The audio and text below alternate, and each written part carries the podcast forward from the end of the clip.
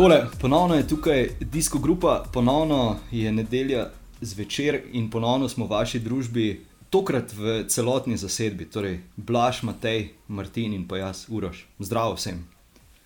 Živijo. Zdravo. Živijo. Ja, fantje, kaj bomo danes eh, obdelali? Napovedali smo eh, pregled Valonske puščice in pa današnje eh, dirke Liež, Baston Liež. Uh, obe dve dirki sta se uh, končali, uh, predvsem Valonska puščica, skoraj, uh, skoraj sansko za Slovenijo, danes pa absolutno sansko za Slovenijo. Uh, ja, kaj bi, kaj bi rekli? Kaj bi rekli, ima kdo kakšen komentar?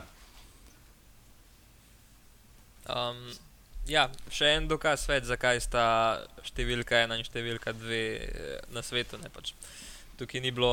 Um, vedel se je, da sta oba favorita no, na obeh dirkah, da je tedej, sicer, kot smo slišali, ne, uh, kot se je veliko govorilo v medijih, imel uh, težave, ker je bil v ekipi eden testov pozit lažno pozitiven. To je podarek, lažno pozitiven ne, in zaradi tega so v bistvu uh, onemogočili ekipi UAE, da bi štartali, kljub temu, da je bilo pol nadaljnih. Nadaljne tri testi, da so bili negativni, vse en, pač niso dovolili. Um, Tako da, ja, mislim, da bi bilo zanimivo um, na valonski puščici videti tudi ta dejan, no, ampak bomo na to počakali naslednje leto. Ja, pa v Martin, bistvu tudi, tudi to, da dejstvo, da je res UAE bila ekipa, ki je bila prva cepljena, se mi zdi to res bizarno. No. Um, sicer se je po medijih znašla informacija, da ni bilo to dejansko strani organizatorjev odredba, ampak strani dejansko Be Belgije, oziroma kot države, kot uh, institucije. In še vedno ne vem, ali ima to smisel, ker uh, se je res kolesarstvo pripravljalo na to korono. In glede na to, da pač en lažen pozitiven test, uh, potem tri, tri je negativni, ne odtehtajo tega, in dejansko celotna ekipa UAE ni smela nastopiti. Um, me je strah, kaj bo recimo, ko pride poletje, ko pride dirka po Franciji. Um, kar se tiče pa same, same dirke, oziroma obeh dirk, pa ja, super za nas, škoda v sredo. Tam, tam je bilo, enostavno je bil Alafilip močnejši, danes pa nekako um, ponovitev lanske izvedbe, s tem, da drug slovenec na vrhu in ja, super je bilo gledati. Um, sicer letos se ni Ala Filip prezgodaj veselil, ampak enostavno bil je pa prekratek. Ja, zdaj, eh, jaz sem sicer dvignil roko, da bom naslednji, eh, ki bom, eh, ki bom komentiral dalje. Pa si me malo presenetil s to, s to izjavo, da je, v bistvu da je Belgija odredila tole prepoved. Um, ker sem se ravno mislil navezati na to, da pač uh, smo dejansko tudi na socialnih omrežjih, kamor se seveda vsi radi zatečemo, um, bili priča pač bilo kakim, bilo svakim komentarjem. Uh, smo vzeli to si malo bolj k srcu, zaradi tega, ker je pač bil, uh, ker je bil pač tedaj tisti, ki ni smel štartati. Ampak na prejšnjih dirkah so tudi, uh, so tudi ekipe ostale brez nastopov, zdaj če pa je tukaj zadaj bila kakšna politika, to pa jaz, uh, to pa jaz ne vem. Tako da, ja, blaš izvoli. Um, ja, tukaj to problematiko, bi izpostavil, ne, kar se tiče teh testov. Um, oziroma, kot je že Martin rekel, ne, um, pač predstavljamo si scenarij, recimo, ja, rumena majica na predvečer etape v Parizu, um, ima v ekipi lažno pozitiven test. Kaj bo tega kolesarja poslali domov, zato ker je pač en test uh, bil narejen z neko napako in je bil pač pozitiven, čeprav ta kolesar oziroma eden od stafa je bil pač v bistvu povsem zdrav. Um, tako da v tem primeru me res zanima, ja, kako, bi, kako bi na to pač odreagirali organizatorji in pač tudi UCI. Um, tako da ja, mislim, da tukaj, kar se tega tiče, bomo mogli kakšno zadevo spremeniti. No. Um, kar se pa tiče jaz zdaj drugega mesta, uh, Primoža, na valonski puščici, jaz to vse ne bi rekel, škoda, to je še zmeraj. Ne Nekako smo se razvadili teh uspehov um, v zadnjih parih letih. Ne, ne Jaz sem v tistih časih, ko sem začel spremljati kolesarstvo, malo bolj Uh, se spomnim, kakšna, kakšna nolišnica je bila, ki je bil Jani Brajkovič takrat deveti na turu, ne? zdaj pa v bistvu gledamo ne, stopničke v bistvu skoraj vsak dan. In ja, tudi drugih, tretjih mest, tudi desetih mest se moramo pač vseeno veseliti, ne? da ne, ne bomo jatali preveč zahtevni, kot Slovenci znamo biti do svojih športnikov, da jih imamo radi, predvsem tok cajt, dokler so uspešni, pol pa, pol pa ne več tokno. Tega si noben ne želi kot, kot športnik. Sej, um, glede tega uh, lažnega testa, tukaj imamo pač opravka z Belgijo. Ne? In v Belgiji tako stvari zelo redko funkcionirajo, tako kot bi, tako kot bi morale. Uh, tako da je mogoče tudi tukaj bil problem, ker je šlo za en čist tak butast birokratski zaplet. Ne? Um, lažno pozitiven test in zdaj nas nič več ne zanima, hvala nas videli. Škoda, ker je to čist dinamiko delke spremenil, pač ni bilo v bistvu na papirju mogoče skoraj ene najmočnejših ekip, ne? glede na to, da sem en od lanskega zmagovalca Hiršija in uh, Tadeja Pogačarja. Uh, kakorkoli tukaj, to, da je bil uh, Primoš Roglič drugi, Jaz sem tukaj mečkam bolj strok kot blažne. uh, seveda je to vrhunski rezultat in nikakor ne moramo kritizirati zdaj uh, Rogliča. Pa, ne vem, boh ne da je kakšno gnojnico po njem zlivati, kot se z nas zgodi. Pa mislim, da ne samo v Sloveniji. Glede malo belgijske medije, kako se spravijo na kolesarje, če jim kaj ne gre, pa francoske, ne, boh ne da. Um, Tle pač očitno naredil napako, ne? ampak to zdaj šele vemo, ne? da je bila napaka. Uh, ko je on tam skočil, dosti zgodaj, sem si mislil, ojoj, prezgodaj je, ampak kdo drug pa lahko to naredi, če ne primaš roglič. Ne? Um, in potem, ko je naredil tisto razliko, sem si mislil, evo, se mu bo uspel, ne? tako zelo dobro je kazal.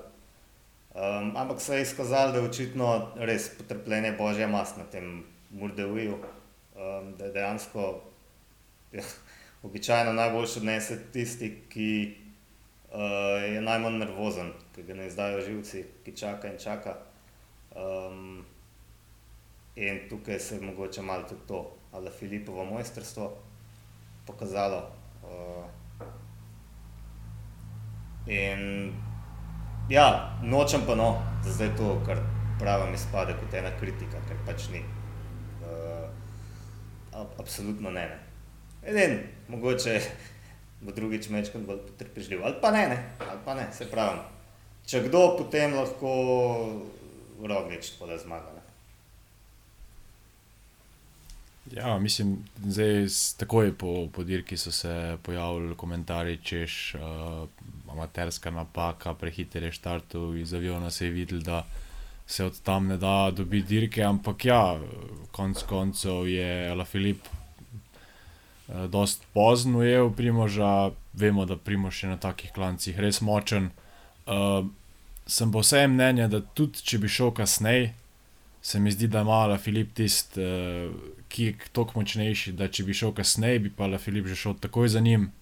In se bojim, da dejansko ne bi bil rezultat drug, drugačen. Uh, zdaj, a je ali Filip toliko bolj poznal ta klanc, glede na to, da vemo uh, njegove uspehe iz tega klanca. Če pogledamo samo med prvimi tremi, je Primož prvič nastopil na, dirkah, na te dirki, medtem ko je um, Valverde petkrat dobil, ali Filip, mislim, da tretjič. Uh, in enostavno to se tudi nekje pozna, zagotovo. Ne. Um, ta klan se res ona dva poznata.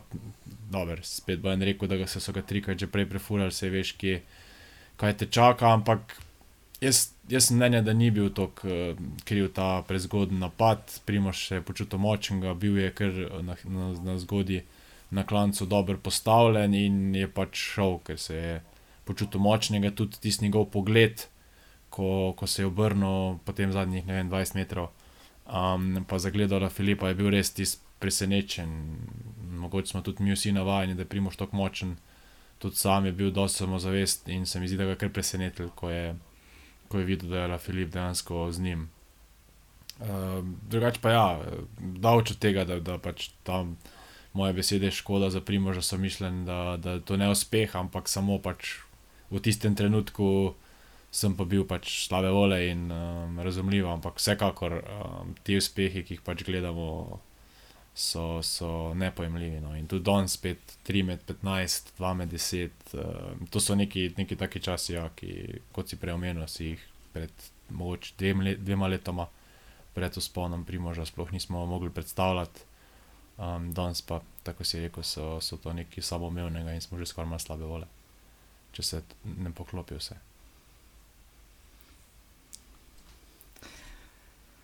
Ste videli mogoče uh, novega servelota, servelo, kakorkoli uh, se pravilno izgovori. Uh, grafika, pff, uh, zelo futuristična, zelo zanimiva, ampak boj da, so, boj, da so tudi neke izboljšave opazili, tisti z malo bolj pikrim očesom. Zdaj, Matej, glede na to, da si ti uh, včasih veliko testiral kolesa. Uh, Kaj bi rekel, je to evolucija ali revolucija Si, si, si, si sploh to videl? Jaz nisem eh, zelo dobro gledal tega eh, cikla. Videl sem samo, da ima manda, um, nek sistem blaženja udarcev na uh, podsedežem. Kot sem razumel, ampak nisem brez veze, da sploh o tem govorim, ker sem nisem kaj dost. Okay, okay. o tem. Klev je edin rekel, da ne vem, primože, da še lahko kozo med noge, pa nisem kozo, kozo je kolo kravo med noge, pa bo zmagal. Um, tako da tukaj ne bi nekih. To sem že vozil teh koles, da vem, da je, ko se enkrat na, na vrh, na vrh ne, da ni nekih bistvenih razlik, razen če proizvajalec res kaj zamoči, kar se pač še dogaja. Znane so neke težave z Vitorijnimi gumami, že dolga, dolga leta nazaj. Zdaj je Vitorija dobra guma, nekaj časa je bilo porazno. Um, Tako da to je vse, kar lahko povem. Okay. Kaj bi, bi kdo rekel, da je tisti uh, padec uh, Toma Pitkoka, uh, kaj spremenil razplet uh, konca dirke? Um, zdaj pač komentatorja na Eurošportu sta valjda temu uh, posvečala ogromno pozornosti. Uh, tako, kot, uh, ja, tako kot vsem uh, tem, ampak ja, uh, kaj bi pa vi rekli? Um, ja, kar se tiče Pitcocka, ne, um, zdaj le sploh v teh zadnjih parih tednih je pokazal, kako je, je dober. Ne, če pomislimo nazaj na, na Milan, San Remo, nekaj je v bistvu, um, kot smo komentirali, nekako um, tipično za novinca, ni poznal spusta na koncu um, tistega potem proti cilju. Um, pa v bistvu zdaj je pokazal v zadnjih dirkah dejansko, koliko kako se da vrpela. No. Tako da meni tistega paca bilo le škoda, ker bi bilo zelo, zelo zanimivo, kje bi danes končal. Um, tako da, um, ja, žal, ampak tudi na koncu ja, me zanima, brez tistega paca, oziroma zanč na valonski puščici, mislim, da bi bil kar, kar v vrhu. No. V bistvu bil je šesti. Vse je v vrhu, je bil že tako, ne? ker je bil na koncu. Ja. Šesti, šesti je bil. Že ja. spad sem skupaj bil no. v vrhu, pa s tem, da je vmes šprinterco menil po vse sorte. Da, no, to sem mislil za danes. Predstavljamo, kaj bi bilo brez tega. Gotovo bi bila dinamika čez drugačna. In ne vem, sam pomislil, no, koliko jih je v bistvu potem manjkalo zaradi raznih okoliščin v končnem šprintu. Ne? Prav pogačar in hirši, ki sta šla v dan, žal sam naj imel daljši trening. in mečka. uh, ja, mečko daljši pa, uh, pa Pitkok, ki je tudi spadal. To je mečkan. Um, pač čist spremenil dinamiko, ne? mogoče tudi zaradi tega, Valverde tako daleč prelezel. Uh, ja, zdaj tukaj uh, sem ravno mislil na to navezati. Nekaj, nekaj govora je bilo tudi o diskvalifikacijah. Uh, Valverdeta in pa uh, mislim, da ravno Kvietkovskega in pa Pitkoka, uh, ki, so, ki so uporabljali neke pločnik, pa, pa neke te stvari. Uh, zdaj tam zgolj za Valverdeta lahko rečemo, da je izgledalo dokaj nevarno tisto, ko se je spustil z pločnika, tam je skoraj zapel s pedalko. Pa, če bi zapel, bi po mojem tudi podrl en kup kolesarjev, ki so bili tam ob in za njim. Blaž Um, izvolja. Ja, kar se tega tiče, meni je presenetilo, da ga niso izključili. No. Um, ker če čisto po resnici povem, um, za, tak, za takih stvari um, mladince, recimo v Avstriji ali pa v Italiji, izključujejo, ne, pač zaradi vožnje po pločniku. Čist brez uh, pomisleka pride sodnik z motorjem, reče ta pa ta številka avt, to je to, feltika. Ne.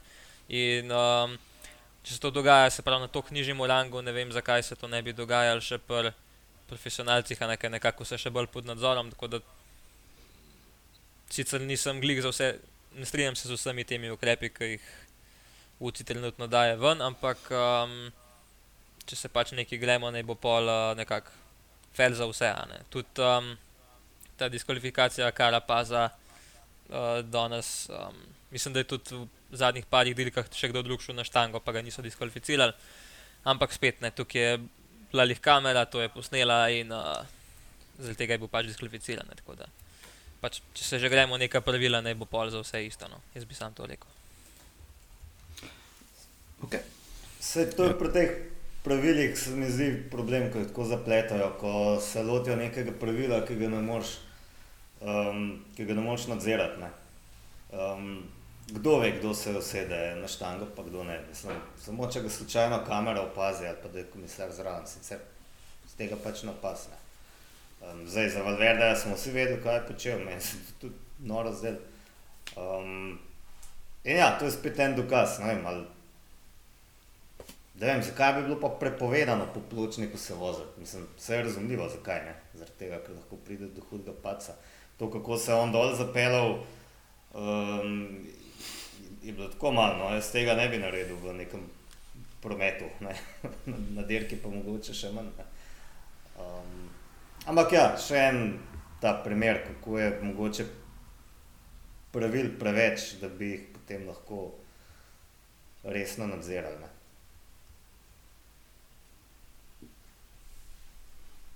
Ja, najbolj zanimivo je bilo, Martin, dejansko izvoli. ni bil problem, po moje, vožnja ne, po pločniku, ampak dejansko ta, uh, rečemo temu, vključitev nazaj na cesto. Ne. Um, tako je Uroš začel, če bi tam padel, ja, dejansko verjetno gre ena tretjina ceste z njim.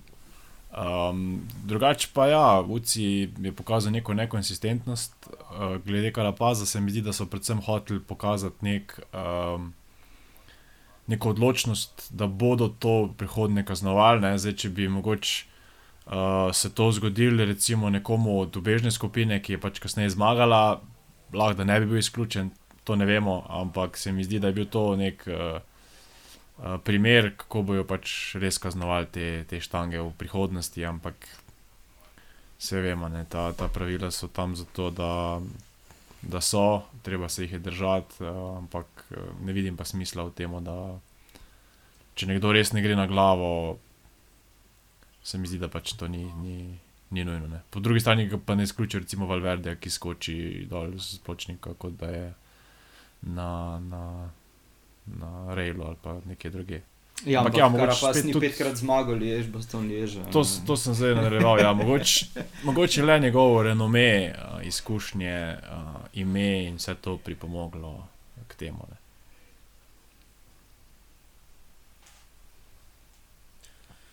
Um, ja, kar se tiče teh pravil, kaj bi še povedal. Um, zadnjič sem bral um, en članek iz, um, iz Dilke po Baski ne, um, in te problematike z bidoni, ki je v zadnjem času zelo aktualna. Ne. Se pravi, pač, da so spremenili pravila, če, se prav, če sem prav razumel, da si diskvalificiran šele za druge bidone. Ne. Imam prav? Ja, Je tako. Ja, Tako. ok, pol sem prav razumel. No. Um, je pa eden od posnetkov izdelke po Baski, ko eden od kolesarjev, um, nekje iz grupe, sicer ne vidi, kdo je vrgel bidon, v takem loku leti, um, če, se pravi, čez ograjo navzdol v reko. Ne. Uh, in v tej reki ne bi pa plavala neka ogrožena riba, v glavnem. Uh, in tudi to je bila taka, recimo pač Se pravi, nekdo je vrgel bidona, ne, ampak ne ve se kdo in pač ga ne morejo kaznovati, zato ker niso videli, kdo je to bil. Ne. se mislim, da smo Ampak- tem že. Sorry. Ja, povej. Da smo v tem lik debatirali, da se bo to dogajalo, da bojo ven iz grupe metala, pa kdo bo opazil, da si izpustil sred grupe. A veš, jaz sem se na rekreativni dirki pelal, uh, pa opazoval človeka, ki je uh, uvita kot gela, spustil lepo na tla, direkt od mene. Nihče ni Ja, videl, ne, ja. razen mene, ki sem gledal, kva pač ne. Uh, ja, recimo tudi, uh, če greste recimo po trasi uh, Franje, kakšen teden po, Fra po sami Franji, um, lahko vidite, kaj vse leži ob cesti. No, tako da, um, se pravi, uno so profesionalci, tukaj pa govorimo o nekako rekreativnih kolesarjih, ki so mogoče po, me, če ne, po mentaliteti še malo bolj zagriženi in ja, nekako. Upam, da bo tudi pol na Franji, recimo, oziroma na ostalih teh maratonih, rekreativnih, um, take stvari kaznovalno. Mislim, da sicer ni to pod okriljem Mucija, ok, Franja je, ampak tudi za ostale maratone, kar se tiče na Blobi Fair, da če se grejo to profesionalci, ne se, grejo, ne se gremo pa še mi, normalni ljudje. No. Mislim, žalostno je, da rabimo neke pravila za Upam, to. da so nikakšne ribe zadev, ne, s tistim bidonom. Ja, ogrožene. in da Kako? je- Zdaj, da zdaj nisem ni dobenega razumel. Kako? Ne, pravim, da upam, da ni zadev kakšne ribe s tistim bidonom. Tudi jaz, ja. smo- Ja, jaz pa Že sem slišal, da ravno to, ne. vodi, ne. Eh, Da ravno to, da je zadev v glavo, ona pa je ravno brstila in zdaj ne bo ja, brez. Ja. Konec, Eh, Sem konec sem pa- ribe. Pardon, zaradi- sem pa najdel še na internetu. Sam mal. Sem pa najdel še na, uh, mislim, na Twitterju en zanimiv posnetek na ukrepni postaji. Mislim, da je eden od, um, od maserjev ostane, ki deli bidone. In ne, v, eni, v eni točki faše en bidon direkt v glavo. Ja, ja, In- ja, in to ga- jaz tudi In ga, in ga niti ni stila vrgal dejansko, kot da ni bilo nič, on deli tiste bidone naprej. Tako meni se, men se res fajn zdelo. Uh, ja, ok. okay. Um, še, še pregledamo uh, žensko uh, valonsko puščico. Torej, zmagovalka uh, Ana van der Bregen, uh, druga nevjadoma, ne bom imena poskušal izgovoriti, tretja pa je Lisa Longo Borgini. Zdaj Ana van der Bregen, mislim, da je zdaj sedmič zaporedoma zma zmagala, če sem si prav zapomnil, ali je bilo že osmič. Ne, mislim, da Sedmič sedmič. zaporedoma, Sedmič, ne. Um, si je kdo uspel ogledati uh, ogledat dirko? Jaz priznam, da si je, da si je žal nisem. Ja, jaz sem se jo ogledal in moram reči, da je bila res zanimiva. Ne? Ker za valonsko puščico tega ne vem, zakaj nihče ne izpostavlja, velja podobno kot za Milano San Remo. Tega ni treba gledati ne, do uh, začetka spona na uh, Murdovi. Um, pri, na ženski derki je bilo pa kar uh, zanimivo. ne. Um, predvsem je zelo dober igral Trek Segafredo, um, ki je v begu imel uh, Lucindo Brandt, prav najboljšo ciklokrosistko pretekle zime. Um, in z njo še Elise Šabi iz um, Canyon Srama in iz Jumbo Vizme je pa to Ana Henderson bila. Dolgo so bile v begu, pa so jih ujeli, potem je šla pa uh, še Ruth Winder, tudi Trek Sega Fredo v beg, kar je uh, prisilil tem vse, razen Elise Longo Borgini, da so mogli loviti. Pričemer uh, je bila kombinatorika taka, da sta bile v skupini dve iz SD Works, se pravi Ana van der Bregen in Demi Wollering. Demi Wollering so kompletno iztrošili, uh, zato da je uh, privlekla zraven. Potem se je pa seveda vse razpletlo, kot je običajno na uh, Murdovi, kjer se je spet izkazalo, da najbolj potrpežljiv, najbolj verjetno zmaga. In vsega skupaj je bil mogoče sprint dolg 100 metrov, ko se je Ana van der Bregen odpeljala Kasimjeve domi, eh, za katero so potem spet pametovali, da je prezgodaj navila oster tempo in tako naprej. Ja, zdaj vsi vemo, da je bilo prezgodaj. Ne. Um, no, Eliza Longo Borgini pa potem tega izvlekla tretje mesto, no. um, glik za glik, da je um, vrgla kolo pred Sanamik van Floten v cilj in vsaj tisto tretje mesto izvlekla. Ok, ok. Um, ja, smo še kaj pozabili, Sm- smo še kaj izpustili, je še kakšna takšna pomembna stvar se zgodila na Valonski puščici, ali gremo na današnjo uh, staro damo, Ladojen. Gremo? Ok. Gremo na staro damo. Gremo. Ja, Zmenjamo. domoljena, domoljena. Torej, ja, tako kot smo rekli. Ja, Bomo zdaj povedali, kaj je nisem več dovoljeno. prepričan, da sem si pravilno to napisal. Uh, uh, to, da je stal v progi. kaj ne? Ja. Zdaj, Jaz zdaj več v tem trenutku nisem prepričan, če, če je bilo to na Valonski puščici Ne, ali je na Amstel. na je. Amstel Goldu. Ali na Amstel. Na Amstel Goldu? Na Amstel, ne, ker To gleda, so- da Ja, je njihova dirka. Njihova Ti dirka. malo pomešal, to, to smo že govorili. Ja, Res je, ja. Prejšnji teden smo Tako da, ja. ok, gremo na Liež, Boston, Liež. Ja, uh, preveč informacij, preveč informacij. Uh, torej, uh, zmagovalec uh, Tadej Pogačar, na drugem mestu Julian Ala Filip, uh, ki bo sanjal uh, naše slovenske kolesarje, na tretjem pa David Godu. Uh, zdaj. Ja, zdaj bom se navezal nazaj na, na tisto diskvalifikacijo Karapaza, na njegov napad, pa vse to.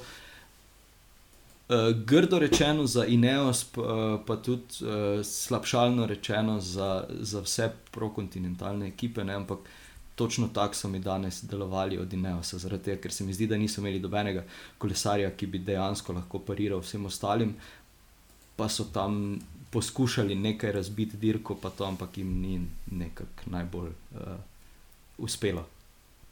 Povej, Matej. Ja, mislim, da so se tega kar dobro lotili, ampak jim je manjkal um, ključen mož, ki mu je ime Tom Pitcock. Ne?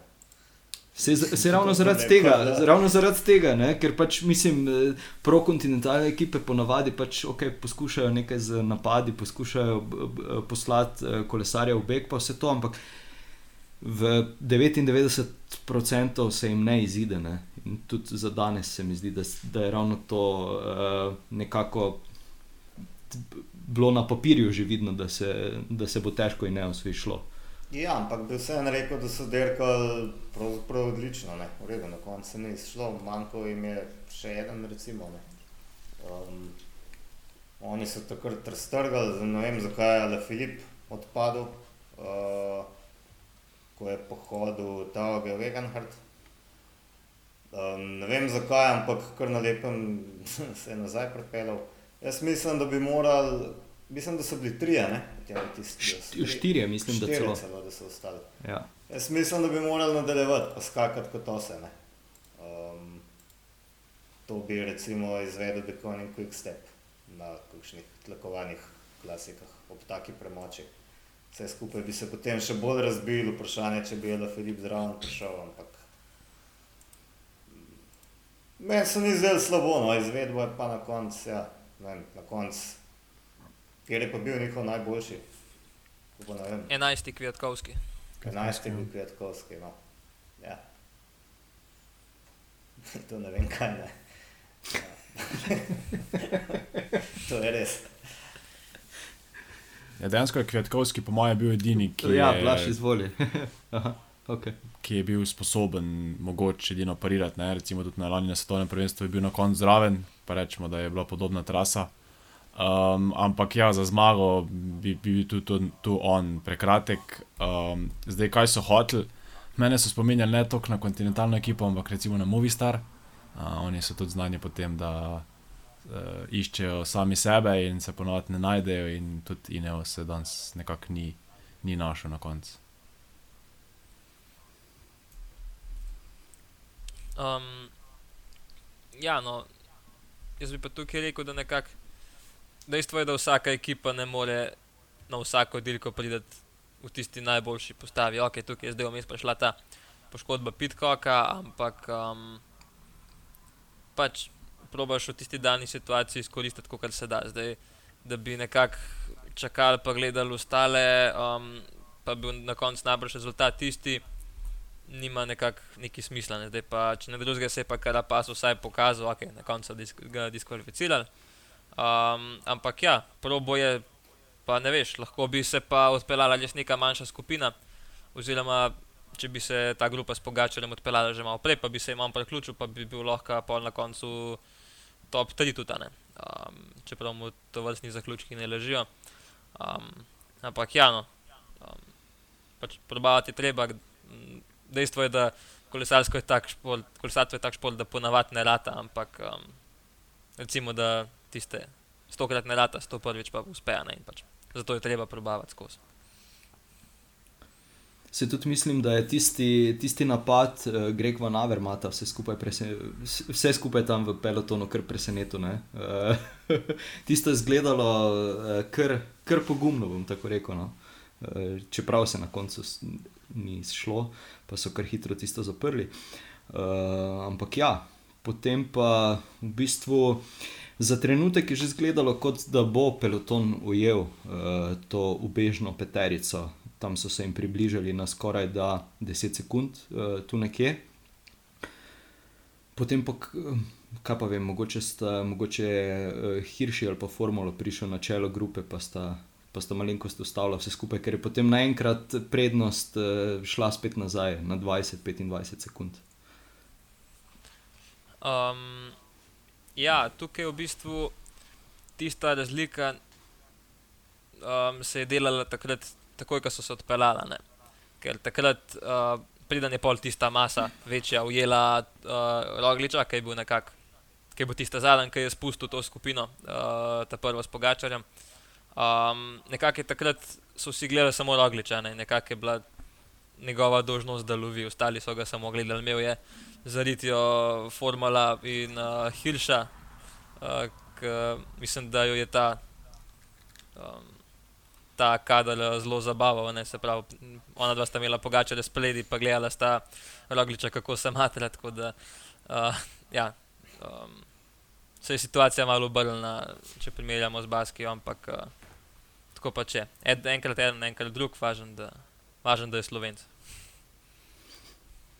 Jaz bi tukaj upozoril, da ja. Roglič ni imel neke besne pomoči v tem zaključku. Um, Pogačar je imel pa izdatno pomoč, pač ni imel potrebe niti delati, ampak to je odlična pomoč. Tako rekel bi, um, na koncu je do Karapasa potegnil um, Davida Formulo, ne? kar je bilo itak noro, jaz ga ne bi pričakoval uh, tako globoko dirke, da je še vedno spredaj. Um, Mark Hirsch, ki vemo, kako se pele, mogoče bil v kakšnem drugem, drugi kombinatoriki, ki tudi tam lahko zmagal, ne vemo.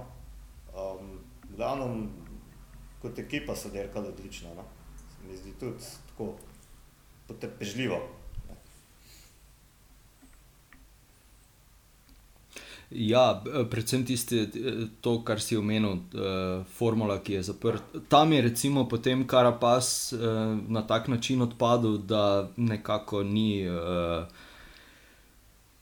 um, ne vem, prej, ko smo se pogovarjali da, pogovarjali, da bi se mogoče pridružil grupi, pa vse to skupaj, ampak se mi zdi, da tam se je potem videlo, da neke, neke posebne moči mu po tem napadu ni ravno ostalo, da bi, da bi lahko pariral ali za stopničke, ali pa za to, da bi se pripeljal za to grupo v, v tisto, tisto zaključno ravnino, tisti zaključni sprint, se mi zdi. No. Um, ja, tukaj.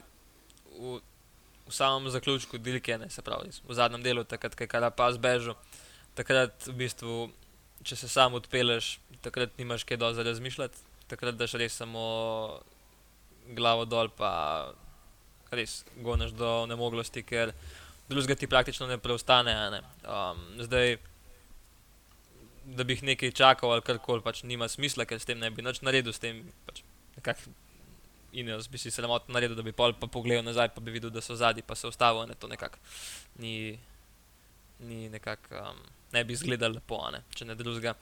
Um, in lik zato je pač probal, um, ni pa tukaj bilo najbolj res moči, da bi pol uh, prijel to skupino, ker ne, tudi če si predstavljamo, ne, takrat, ker nam je najtežji, pa v bistvu vse, kam jim skupina, um, ki gre še malo hitrejši kot ti, ki si že tako na meji seveda, pač normalno je ne moreš prijeti, če si ti že nekako tam v, v rdečem. Ne, tako da jaz ga čisto razumem. Sej, jaz se sprašujem, kdaj sploh verjel, da lahko pride do konca. Ne? Ampak ko, ko se je odpeljal, je po mojem tudi upal, da bo šel še kdo zraven. Ne? In ko je v neki fazi pogledal nazaj, je bil po mojem kar razočaran, ne? uh, da je ostal sam. Da, predstavljamo se, si, no, če bi šla še dva zraven, no in kakšen godor recimo, um, bi se lahko tudi dosti drugače razpletali. No. Um, ja, kar se jih omenil, Godoja. Ne? Mene je v bistvu on v samem zaključku zelo presenetil. No, Nekako nekak sem sklepal, ja, da Pogačar in Filip se bosta udarila za zmago, se pravi, da bo to na dva prvi, drugi. In sem računal, da bo nekako Godu najšipkejši iz te skupine. Se pa na koncu izkazalo, v bistvu, da, da je bil takoj zaniman. Se pravi, Godu je na koncu osvojil tretje mesto in tako mene je. Mene je zelo presenetilo, no, ker nekako velja, okay, se je hribolazac, ne, ampak da se tudi recimo v, v sprintu tako le znajde, sploh uh, ja, s takimi kolesarji. Mene je presenetilo. No. Sem mislil, da bo recimo Michael Woods pa Valverde, da ga boste nekako uh, eh, učprintala, ampak tako, presenetljivo. No. Uh, ja, uh, tudi jaz sem mislil, da bo, da bo Woods uh, tukaj, tukaj malo v malo drugačnem vrstnem uh, redu uh, v tej peterici. Zdaj, uh, že, za, že za Valonsko puščico smo pozabili to omeniti. Uh, zdaj sem se spomnil, da je, da je Matej Mohorič ponovno danes pokazal, da se zna odlično spuščati. Uh, tudi, tudi na koncu sem mogoče malo upal, da se bi, da se bi po, ponovilo tisto lansko, ko jih je presenetilo od zadaj. Uh, ne, pa na Valonski puščici ponovno presenečen Jan Tratnik, ne, sploh s tistim zadnjim, uh, zadnjim uh, bom temu rekel, no, ne moremo reči napadom, ampak uh, s tem, da je poskusil malenkost razbiti uh, pred, pred sponom vse skupaj. No. Uh, tako da, ja, su, mislim, naši fanti res se mi zdi, da super dirkajo. No. Da, da je to užitek gledati, pa da res živimo tako kot uh, že na RTV-u večkrat rečejo v tisti zlati dobi kolesarstva trenutno. No. Ja, zagotovo. Če uh, za zaključek bi... pogledamo, mene mogoče. Krpej, krpej. Sorry, kar Martin, povej. Ja, v bistvu zdaj, če... Če po... zapel zdaj slovenskim kolesarjem če, pogledamo, če pogledamo dejansko tu, kaj je, kaj je ta vrstni red, kako so prišli v sprintu danes, recimo, se pravi, prvi je štar, štartu je Valverde, za njim je bil Woods, Gudu, Ali Filip in zadnji je bil postavljen Tadej.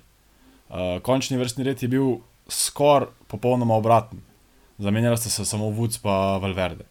In mene je dejansko Woods najbolj presenetil v negativnem smislu, ker je pač ja, um, Pogačer pa Ali Filip bi bila prva favorita ampak Woods bi naj bil na papirju, vsaj tako je zanima, z Valverdijem bi se boril tam za to tretje mesto. Godu je bil pa tu, tudi komentatorji sta samo omenjali, kdaj bo napadel, kdaj bo probil pred sprintom, kaj dosež, ampak ja, dosegel je tretje mesto. Uh, in ja, se gotovo to je nek dober rezultat za njega. Meni se zdi, da je Godu kar pametno delal, kaj bi se zgodilo, če bi on tam napadel. Neč, ne pelati se tako ne bi mogel v taki skupini, ne vem, tega si ne predstavljam. Uh, vse skupaj bi se ustavili in boh ne da, da še do zadnji pridejo. Men. Mene je presenetilo, da se je pustil Valverde izigrati na ta način, da je mogel biti na prvi poziciji, ne, v šprintu, to je dosti zoprn. Um, pa po drugi strani navdušal, kako potrpežljivo se je pač postavil uh, Pogačar za Filipa in tudi čakal. Dobro, tudi Valverde, ni bilo treba predolgo čakati, ker je Valverde zelo hiter sprint začel. Um, ampak ne vem, mogoče bo Blaž lahko več povedal o tem, kako se je vse skupaj začelo. No? Um, ne bi sam to omenil, kar se tiče tega um, uh, postavljanja uh, vrstni red. Um, ko pridejo kolesarji v zadnjem kilometru, sploh če je neka manjša skupina, ne se pravi, kdo bo spredi, kdo bo zadnji. Um, Kletko, v bistvu, kolesarji so bili v tej skupini zelo složni. Um, in nekako zmeraj upaš, da ne boš lih ti prišel v tistih zadnjih, ne vem, zadnjih kilometrih, zadnjih 800 metrov, kako koli na čelu, in potem bojo ostali kolesarji nehali menjati. Ne. Um, se pa kdaj zgodi, da kolesarji nehajo menjati 2 km do cilja, kdaj pa 500 metrov do cilja. In res um, zelo težko nekako določiti, oziroma da bi ti vnaprej predvidel, da boš ja poskrbel, da ne boš lihti v spredju stov um, na vetru, ker je tista kao, najslabša pozicija za sprint. Čeprav se da tudi uh, z te pozicije zmagati, uh, precej teže, to je dejstvo, ampak um, ja, to je tako. Je kolesarstvo tudi en tak gambling uh, v tem smislu. Mislim, vse je tako, 41-letni Valverde, ne, najbolj izkušen je. Ja, vse je jasno, zgodi se. Ne. On je ostal na najslabši poziciji, da je um, Pogačar pa pravzaprav na najboljši. Ne. Um, Čeprav ne bi zdaj več govoril o tem, kako je Pogačar mlad, pa ne izkušen, ker to ni res. Ne, pač, ne moremo govoriti, da je neizkušen. Um, ja, je pa tukaj še en faktor, ki ga v bistvu kolesarji v begih doskrat izkoriščajo. Um, se pravi, primeru tukaj ne mogoče Valverde, je bil s petim, oziroma četrti, kjer je bil pol na koncu. Četrti. Čet, četrti, ja, ok. Uh, nekako je računal, da prvo peterico za njega šteje kot uspeh in v bistvu ni se hotel vseeno malo bolj pomatrati, da jih skupina zadnji ne bi ujela in je nekako računal to, da bo vsaj petine. To se doskrat tudi dogaja. Ne, um, ne, ne imajo res cilj tukaj na zmago, na drugega ali ne, to je drugo vprašanje, ampak ja lahko pa da tudi glede na njegova leta, ko karkoli se grdo sliši, je bil tudi uh, s petim mestom, bi bil s petim mestom na koncu, ste že četrto mesto, povsem zadovoljen. Ne? Ampak kaj ti je, ha, mislim, pri, pri takih letih? Uh, Biti tretji, pa zdaj četrti, pa tudi na vseh ostalih dirkah se, se, se zelo, zelo, zelo dobro voziti. Uh, proti vsem ostalim, uh, bomo tako rekli, mladcem, pa tistim, ki so bodoči upi, pa tistim, ki so, ki so že dokazali, da, da, da lahko posežejo po najvišjih mestih, jih vseeno. Uh, V tej sezoni zaenkrat kar, eh, po, bom tako rekel, po očetovsko šolo. Predvsem te najboljše, vsaj držine, če ne drugega. Um, Točno to. Zihar je bolj zdrav kot mi, ne? vsi štiri. Uh, jaz se sprašujem, ali je sploh kaj slabši, kot je bil v svojih najboljših letih. Ne? Vprašanje, če je dosti slabši. Um, ali pa mogoče celo boljši, kot je bil kadarkoli, samo ima pač smolo, da prihajajo te mladi, ki so očitno še boljši. Kot vem, na, na Murdevi, na Valonski puščici, Eh, sta ali Filip in Roglič postavila najboljši čas klanca, kar včasih manj skrije, kot pa razkrije, ne tak podatek. Um, ampak vsem, zanima je bil Valverde. Um, Prav še vedno, recimo, da ni imel več slabšega časa do vrha kot v svojih prejšnjih zmagah, kot štiri, petih zmagah. Mm, ja, recimo lik za Valverde, ki si rekel. Ne, um, nek na Twitterju sem, uh, sem na, najdel njegove vate iz Dilke po Baski in ta zadnji klanc. Pač, tip po enem tednu dirkanja, po bistvu po tako težki etapi, da govorimo o tiste etapi, um, kjer je zmagal Godu in je na koncu rogli zmagal generalno, ne, se pravi zadnja etapa. No, na ta zadnji klanc je obračal 400 vatov. Um, to je tako to je nepredstavljivo. No. Um, ta klan, sploh ta zadnji, ni bil prav kratek in ja, za njegova leta pač samo vsaka čast. No. A, uh, a bomo šli v, tisto, v tisti črni del kolesarstva, pa, pa to, da je bil že uh, pozitiven na dopingu, pa, pa da mogoče. Uh, ne zdaj, da ga karkoli obtožujemo, ampak vseeno, da, da dvigujemo neko zdvome ali raje pustimo to. Uh, To tistim, ki se ukvarjajo z antidopingom in vsemi temi stvarmi, ja. pa, pa rečemo, da. Uh, ja. jaz, bi, jaz bi to kar prepustil tistim pravim kavč komentatorjem, uh, pa ne se sami zmenijo. Je pa mogoče bi jaz samo izpostavil, da je on pač kolesar, ki ne vem, zdaj že, vem, to je že dve generaciji sta se zamenjali, ne? on je še iz te stare garde. Pač, ne vem. Mogoče to več pove o tem, koliko je v resnici dober, no? da še vedno v čistejšem kolesarstvu, še vedno eh, dirka z najboljšimi. Ne? Ja, mislim, da bi lahko rekel, da je, da je Valentino Rossi kolesarstvo. No. Samo gre boljše v bistvu kot Rosijo. Ja, no to je res. Pa govori lepše. Tudi, med drugim. Okay, uh, še, še ženski uh, liež, baston liež. Uh, po, ponovno bom vprašal, smo še kaj pri moškem spustili, je še kakšna taka pomembna stvar se zgodila, ki bi jo veljalo izpostaviti. Ja, no, mogoče to, da se je lahko najbolj presenetil, da je Primoš Roglič tako hitro odpadel. Um, iz javi je potem rekel, da mu pač ni šlo, tako kot on zelo resignirano spreme. Take, um, rečemo, poraze. Um, se zgodi, mogoče tudi nekaj utrujen, pauza mu bo prav prišla, dolga pauza. Dolga. Izvolite. Um, ja, kar je meni zelo zanimivo, pa, sploh pa naših kolesarjih, se pravi, pa slovenskih, um, koliko uh, kolik ne iščete nobenih izgovorov. Se pravi, pač, če imate slab dan, pač rečete, ni šlo, to je to, feltik, konc zgodbe res brez nekih izgovorov, ja je bilo pa un, pa tret, pa pač ni šlo, bo šlo drugič, ne, kakorkoli drug, en, nekdo drug je bil boljši in s tem se zaključ zgodba in uh, ja, ta, nekako. Ne iščete krivcev drugi, razen v sepno, um, v tistih slabih trenutkih, ne, ampak vsi vemo, da teh slabih trenutkov zadnje cajte ni prav veliko. Martin, izvoli. Ja, v bistvu, v bistvu takrat, ko je dejansko Primož zgubil stik prvič, eh, oziroma zadnjič, ko je bil še skupaj z eh, skupino Stedejem, je poskusil. Res tam se je videl, da je, da je bil on prvi, ki je, ki je spustil. In v tistem trenutku, ko je spustil, se mu, se mu je res videl, da, da je pač bil na robu.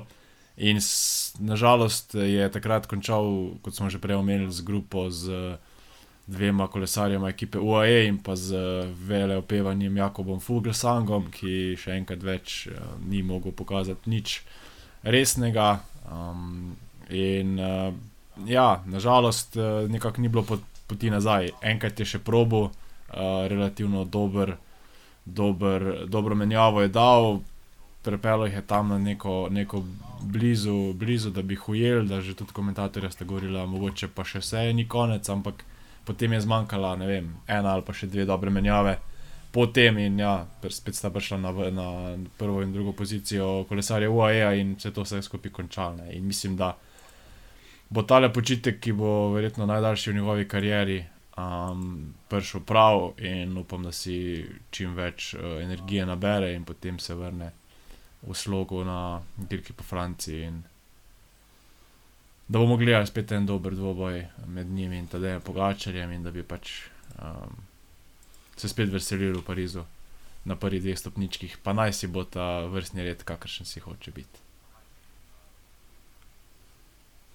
Zdaj, eh, ne vem, če je kdo opazil, uh, mogoče ni bilo nič, mogoče je karkoli bilo. Verjamem, da eh, tako kot si rekel, Blaž, glede na to, da sta dejansko oba znana po tem, da ne iščeta izgovorov ali pa kakorkoli, eh, oziroma se držite tistega na svetu, ne jamram, iščem rešitve, kakorkoli. Eh, če je kdo opazil, da ga je Vingegard eh, tako prijateljsko potrepljal po rami, zdaj ne vem, kaj je to pomenilo. Nekaj sta se pogovarjala vmes, se mi zdi, da že takrat Primoš ni, ni izgledal 100%. No.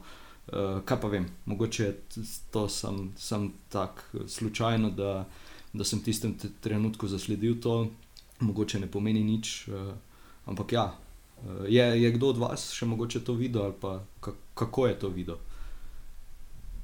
Uh, ne, očitno nisem dovolj pozorno spremljal. Ok. To je meni šlo, to je. Ja.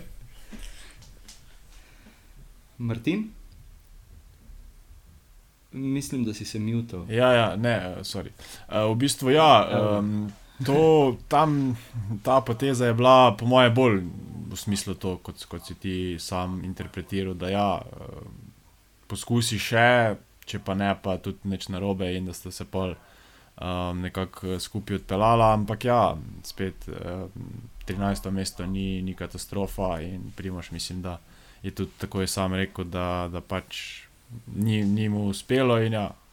Uh, super, da ni zdaj res spet ne iskal ne vem, neke defekte, pa te stvari, da menjalnik ni bil ta pravi. Ampak ja, rekel je, niso bile noge, nisem se dobro počutil in se zgodi. Točno to. Okay. Uh, smo zdaj pripravljeni še za ženski del Liež, Boston Lieža? Ja, Ja, okay. uh, na prvem mestu Demi Wallering, uh, na drugem Anemik van Vleuten, na tretjem Lisa Longoborgini. Martin, ti si preden smo šli tukaj v živo, uh, tako super vse opisal, uh, ti si si tudi ogledal to, tako da ti kar predajam uh, mikrofon. Ja, v bistvu pogledal sem si pač predvsem zaključek, se pravi ta sprint, uh, manjše skupine, v bistvu petih oziroma šestih kolesark, Um, Rekl bi podobno, kot smo spremljali na kakšni etapi, uh, klasičen sprint, ki ga je začela uh, Vanderbregnova. Uh, spet prednost dveh članic ekipe SD Worksa je se pokazala kot ključna, um, ker je v bistvu Demi Volerink imela v, v tem sprintu dejansko klasičen lead-out, Ana Vanderbregen je tu potegnila, na drugem mestu je bila Demi Volerink. Uh, uh, Van Vlojtnova je v bistvu tam napadla, nekako prišla, prišla pred, um, vendar Bregnova je takrat spustila in je Demi Vollering takoj pokrila, se priključila Van Vlojtnovi in dejansko v tistem samem, uh, samem sprintu, ker prepričljivo jo premagala in zasluženo. No? Po vseh uh, drugih mestih dejansko še, še enkrat zmagala. Potem za druge, tretje mesto je še potem Elisa Longo Borgini poskušala uh, prehiteti, um, ampak je bila na koncu uh, vseeno prekratka in je, in je zasedla tretje mesto, Vlojtno pa drugo. Odlično. Okay, Meni je okay. všeč, kako ste se očitno zamenili, da uh, potem, ko je na Valonski puščici, uh, da je mi Volering delala za Ano, vendar Bregan je bilo zdaj obratno. Um, zato, da je po teh dveh drugih mestih, ne, na Brbanski puščici in Amsterdam Gold Race, um, Voleringova, končno še Tako zmagala. Potem, ko so Kasijanjeve doma, pa ker je uh, bila četrta danes, četrta, ja. Um, ona je bila pa tokrat že blizu, ne letos, da, da mi je pa res žal. No. Ali, ali je bila vedno blizu, ali je krojila razplet dirke, pa se nikoli ni izšlo.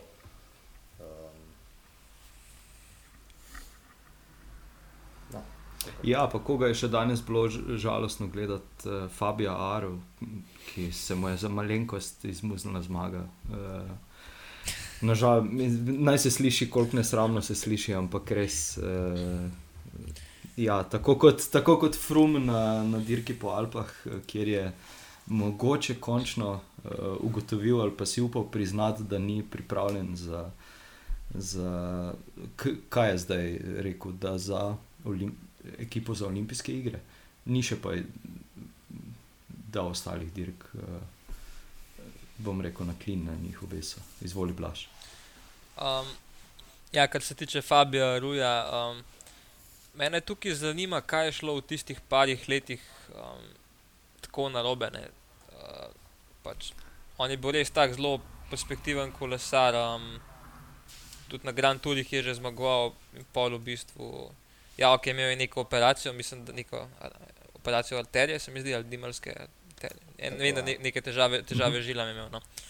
Um, zdaj, ali ga to tok ob uh, to neko formo spravili, uh, to ne vem, ampak ja. No. Um, že lani nekaj dosti pokazal, sploh takrat, ko bi mogel biti uh, v oporu pogačarju. Um, in ja, letos nekako nadaljuje ta žalosten trend, no, ampak za naprej bomo pa videli. Jaz pa od Fruma, ja, nekako. Um, mislim, da je še sposoben zmagati kakšno etapo na kakšni večji dirki, oziroma ja, kakšno tako. Lahko tudi tedensko dirko, no, ampak um, dejstvo je na takem nivoju, kot je bil, ga ne bomo, mislim, da več videli. Um, bi bil pa vesel, če, me, če mi dokaže nasprotno. No. Jaz mislim, da lahko tudi v deset pride, ne? Mogoče že na letošnjem turu. Ampak da bi pa premagoval te elefante, to pa tega pa mislim, da res žal ne bomo več videli. Pa, ne vem, meni se zdi kar malo nenavadno, da s takim optimizmom zre v prihodnost. Tako po svojem mi deluje malo žalostno to, ali pa tragično, ker ne vem, meni se smilno v bistvu, pa to je zoprn. To se mi zdi še posebej grozno, da se enemu takemu pajacu, kot sem jaz, človek smilne. Um, ker bi mu res prvoščil, no, po vsem tem, kar je dal skozi. Enako recimo za Fabija Aruja, mislim, ampak on ima druge probleme. Um, ja, nikoli se ni več novno raven vrnil, ki je, je verjetno sposoben, ampak je bila bolj težava, je ta njegov pristop, no, ko pa za razliko recimo od Pogačara in Rogliča vedno iskal uh, napake druge, ne. V kolesih pa, kad so dibiči, pa takrat, ko so se um, tam razlepali na Vuelti, se je on razburjal, pa ga je pogačar njega to lažal. Mislim, to, to je sploh bizarno zgledati. Da najmlajši, ko bi mogel biti najmanj zrel, ne, recimo, se izkaže za ne vem, kot točka, ki je tam to lažal. Zdaj, eh, ko si že, eh, ko si že omenil eh, to, da se ti, da se ti frum smili, bi zdaj tu veljalo še izpostaviti Tibo Pinoja, ki pa je dejansko tisti tragični francoski junak, od katerega so vsi ogromno pričakovali. Tudi samo od sebe, mogoče malenkost preveč pričakoval, oziroma si preveč želel. Uh, uh, pa zdaj, če ga nekako, sicer je to zelo nehvaležno, ampak primerjamo z Arujem, je, je vseeno, uh, mogoče, oziroma je veliko bolj. Uh, veliko bolj gospod kot pa Fabio Aru. Um, on pa je zdaj napovedal, da dejansko izpušča uh, Giro. Bomo rekli še kaj na to temo. Ja, no, nekako, ne kako bi temu rekel, še en prekurjen francoski up, mogoče, mogoče v tem stilu. Um, od njega jaz spet se je zelo veliko pričakoval. Um, mislim, da je bilo od leta 2000. 12, ki je on zmagal prvi etap na dirki po Franciji. Tega se zelo dobro spomnim, ker se je njegov uh, športni direktor drl ven iz avta. No. To vem, da so še kar nekaj časa vrteli po, po raznih uh, medijih. Um, pol pa ja, je tudi na Albu Dues etapo recimo je zmagal. Um, bil je zelo dolgo časa v vrhu, zdaj pa nekje se je spet, nekje se je zalomila. Ne. Isto recimo, uh, zdaj le gledam rezultate Romana Bardeja, podobno. Um, v bistvu je Tour of Alps končal na devetem mestu, nekako um, spet, tudi njega se je zelo veliko pričakovala. Bil je tudi bela majica na dirki po Franciji, trikrat je ta po zmagu, pikčasta majica na dirki po Franciji. Um, tako da, ja, no, um, bomo videli, kaj bo z Davidom Godujem. No. Meni se zdi nekako drugače od vseh teh, nekako najbolj sim, mislim, simpatičen, kako koli. Um, ampak ja bomo videli, kam bo to nesel, ampak ja, mislim, da Francija bo še nekaj časa zma čakala zmagovalca, dirke po Franciji. No. Okay. Fran francoskega uh, zmagovalca, seveda. Ja, ja, ja. seveda. Okay. Uh, kaj nas čaka v tem tednu? Uh, dirka po Romandiji. Uh, da ne pozabimo omeniti, uh, v prejšnji epizodi smo pozabili uh, izpostaviti uh, Domna Novaka, uh, ki je ki je odlično vozil na, na dirki po, po Alpah z, za svojega kolega, zdaj je uh, bil na drugem mestu, še ja, vedno zdaj je sklepa. Ja, pelo bil, ja, tako je. Uh, ja, uh, Blaž izvoli, nekaj bi rad uh, povedal. Ja. Ja, sam še nekaj bi omenil. Um, Matejš Govekar, ne, se, uh, torej kolesar Tirola, ki je ta teden vozil dirko po Alpah. Um, Se pravi, dirka po Alpah se je končala kdaj? V petek, če imam prav? Imam prav, mislim, da v petek. Ne? No, uh, ja, no, soboto je imel Frej, uh, danes je zmagal um, v Avstriji dirko, se pravi Bundesliga, se pravi avstrijski pokal. Uh, tako da uh, še en izmed kolesarjev slovenskih, ki mogoče uh, v prihodnosti lahko zelo veliko um, obeta oziroma nekako kaže to perspektivo. No. To sem hotel sam še izpostaviti. Kulsko, kulsko. Um, ja, torej, dirka po Romandiji. Um, bi koga posebej tu izpostavili?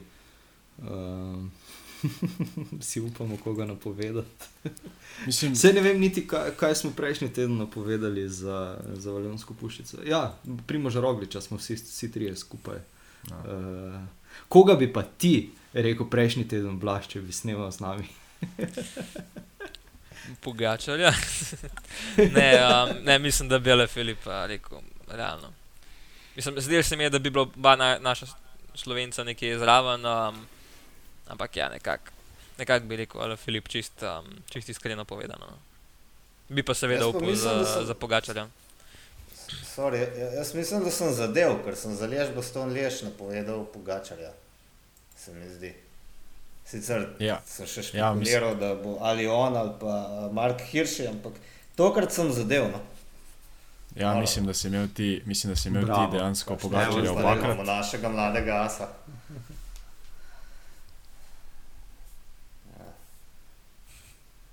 Okay, okay. Uh, ja, dirka po Romandiji, da, da nas ne zapelje vseeno še preveč. Um, kaj bomo rekli? Mm, Jaz napovedujem Geren Tomas, zakaj? Ker sta dva kronometra. Uh, zanimiv, prvi je dolg 4 km, krogle, kar postavlja Filipo Gano tako ali tako v, v favorita. Uh, glede na to, da je svetovni prvak, tudi uh, svetovni rekorder vožnje na 4 km na velodromu. Ampak bi znal to tudi, Geren Tomasu ustrezati, poleg tega ima odlično ekipo, ne? poleg Gane še Roana Denisa, Andreja Madorja in Riča Porta, ki tudi mislim, da že zmagal Romandijo enkrat. Uh, tako da jaz si upam napovedati Gerenta Tomasa. Okay. Okay.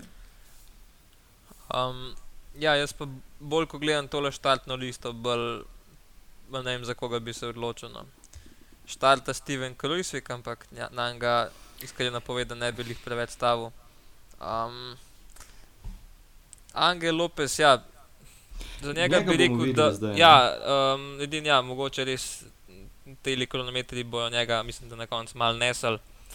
Um, ja, iskreno, no, jaz bi se zelo težko odločil. No. Um, pustimo se presenetiti, res ne, ne, vem, ne vem, koga bi rekel. Okay.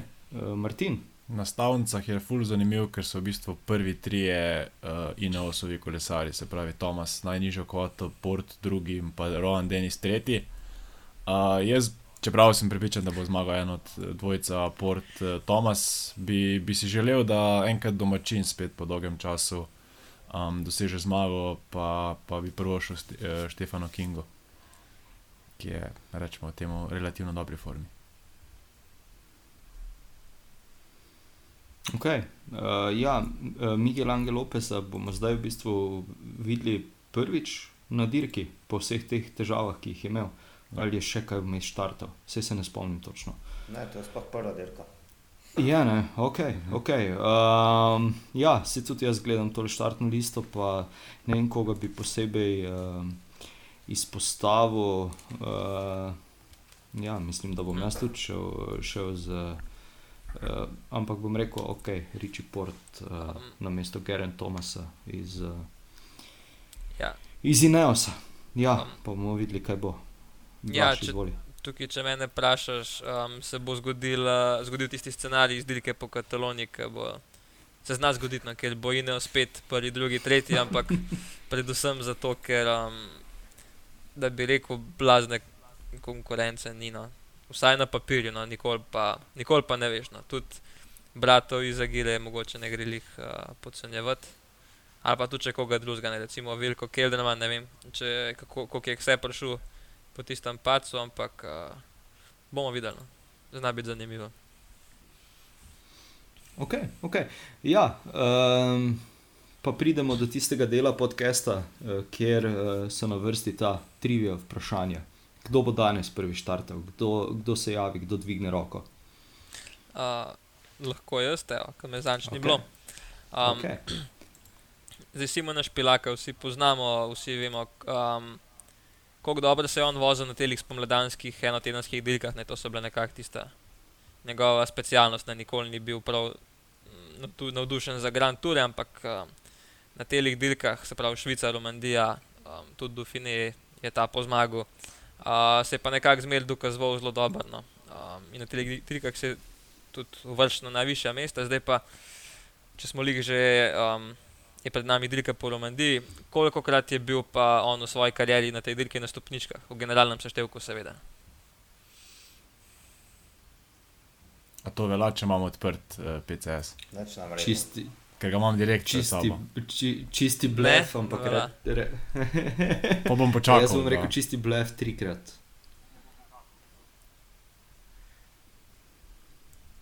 Ok, Matej. Matej. Ne vem. Ne vem. Re, ne, ugibe. Ja, jaz bi tudi trikrat rekel. No. No, Martin, povej. Ja, v bistvu bil štirikrat, ne. Uh, v bistvu štirikrat drugi, čeprav so Ja, pač tako leta je. 2010 deset vzeli Valverde, potem zmago in.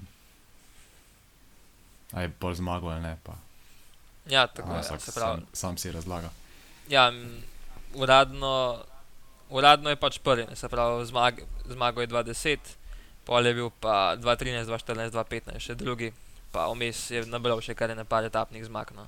A, tako da, um, jaz se ga zelo dobro spomnim, nisem pa zihar, da je bila dirka po Švici, to ali Romandija. Mislim, da je bila Romandija, ko so plezali na en gorski prelaz v, v snegu, um, on je imel pa odpet dres. Ne. To je tako. To je bilo nekako značilno za njega. No. Ja, vroče je bilo, kaj če. uh, okay. uh, bom jaz uh, kar eh, postavil vprašanje, uh, navezuje se na današnjo dirko, oziroma na Liež, Baston Liež.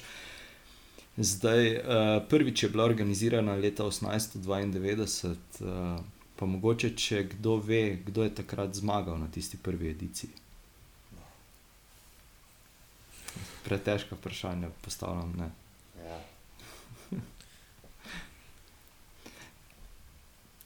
Kdorkoli, karkoli je. Mm, iz tistih časov jaz poznam samo zmagovalca prve dirke po Franciji, ampak dvomim, da je on zmagal.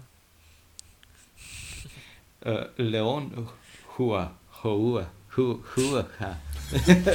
H-O-U-A. Tega, tega sem hotel. Okay, dobro. Uh, ha, do, do, dobro vprašanje. Dobro vprašanje. um, trenutek, uh, tako je. Ja, pa je bil Belgijec, ja.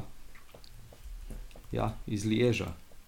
Zmagal je da. pa za 22 minut, kot zdaj le gledam. Aha, da, potem ti internet hitreje dela kot meni. Dobro. Zmeno. Pičemo dalje, kdo bo, kdo odvajal, Martin, Matej. Lahko jaz.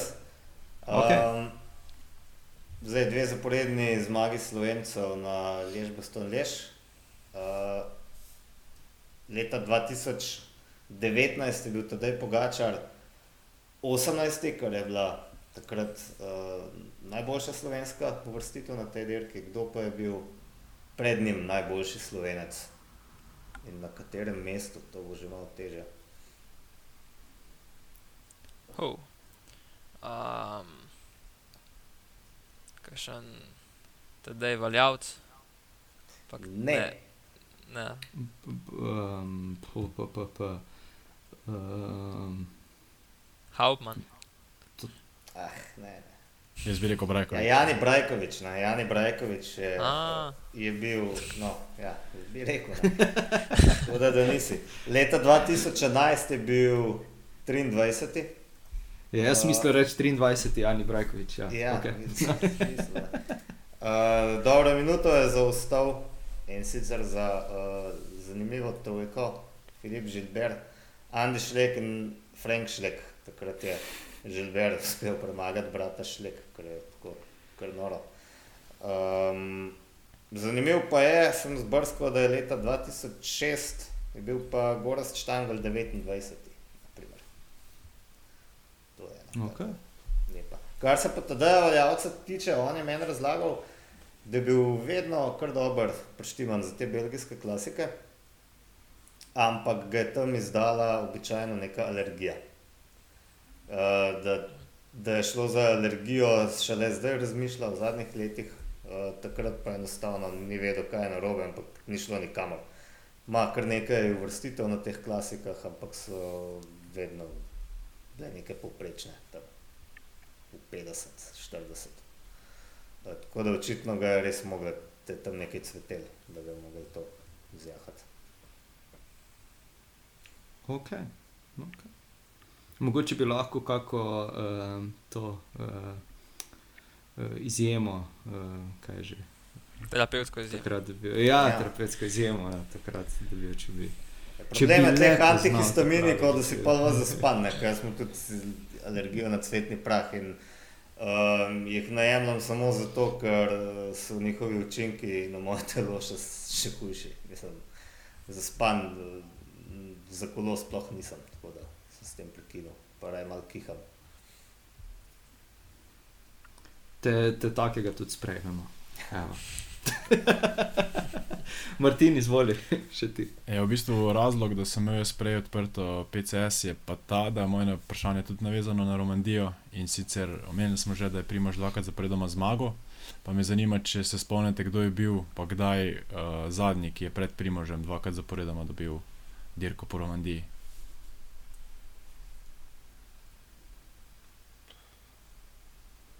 Kris Froome, Ja, še kdaj? a, ja, lih je ne par let prej, ne vem, 2016, 2015, to je bilo zdaj res ugibam. Ja, 2013, 2014. Kar je pa najbolj zanimivo, je pa v bistvu Aha. To, da sta takrat uh, v vseh, v bistvu so bili v vseh obeh dveh uh, izvedbah, uh, prvi tri je popolnoma enaki. Se pravi, zmagal je Kris Frum, drugi je bil Simon Špilak in pa tretji Rui Košta. Tako da dejansko kot da bi bile dve kopije, razen če so se na PCS-u zmotili.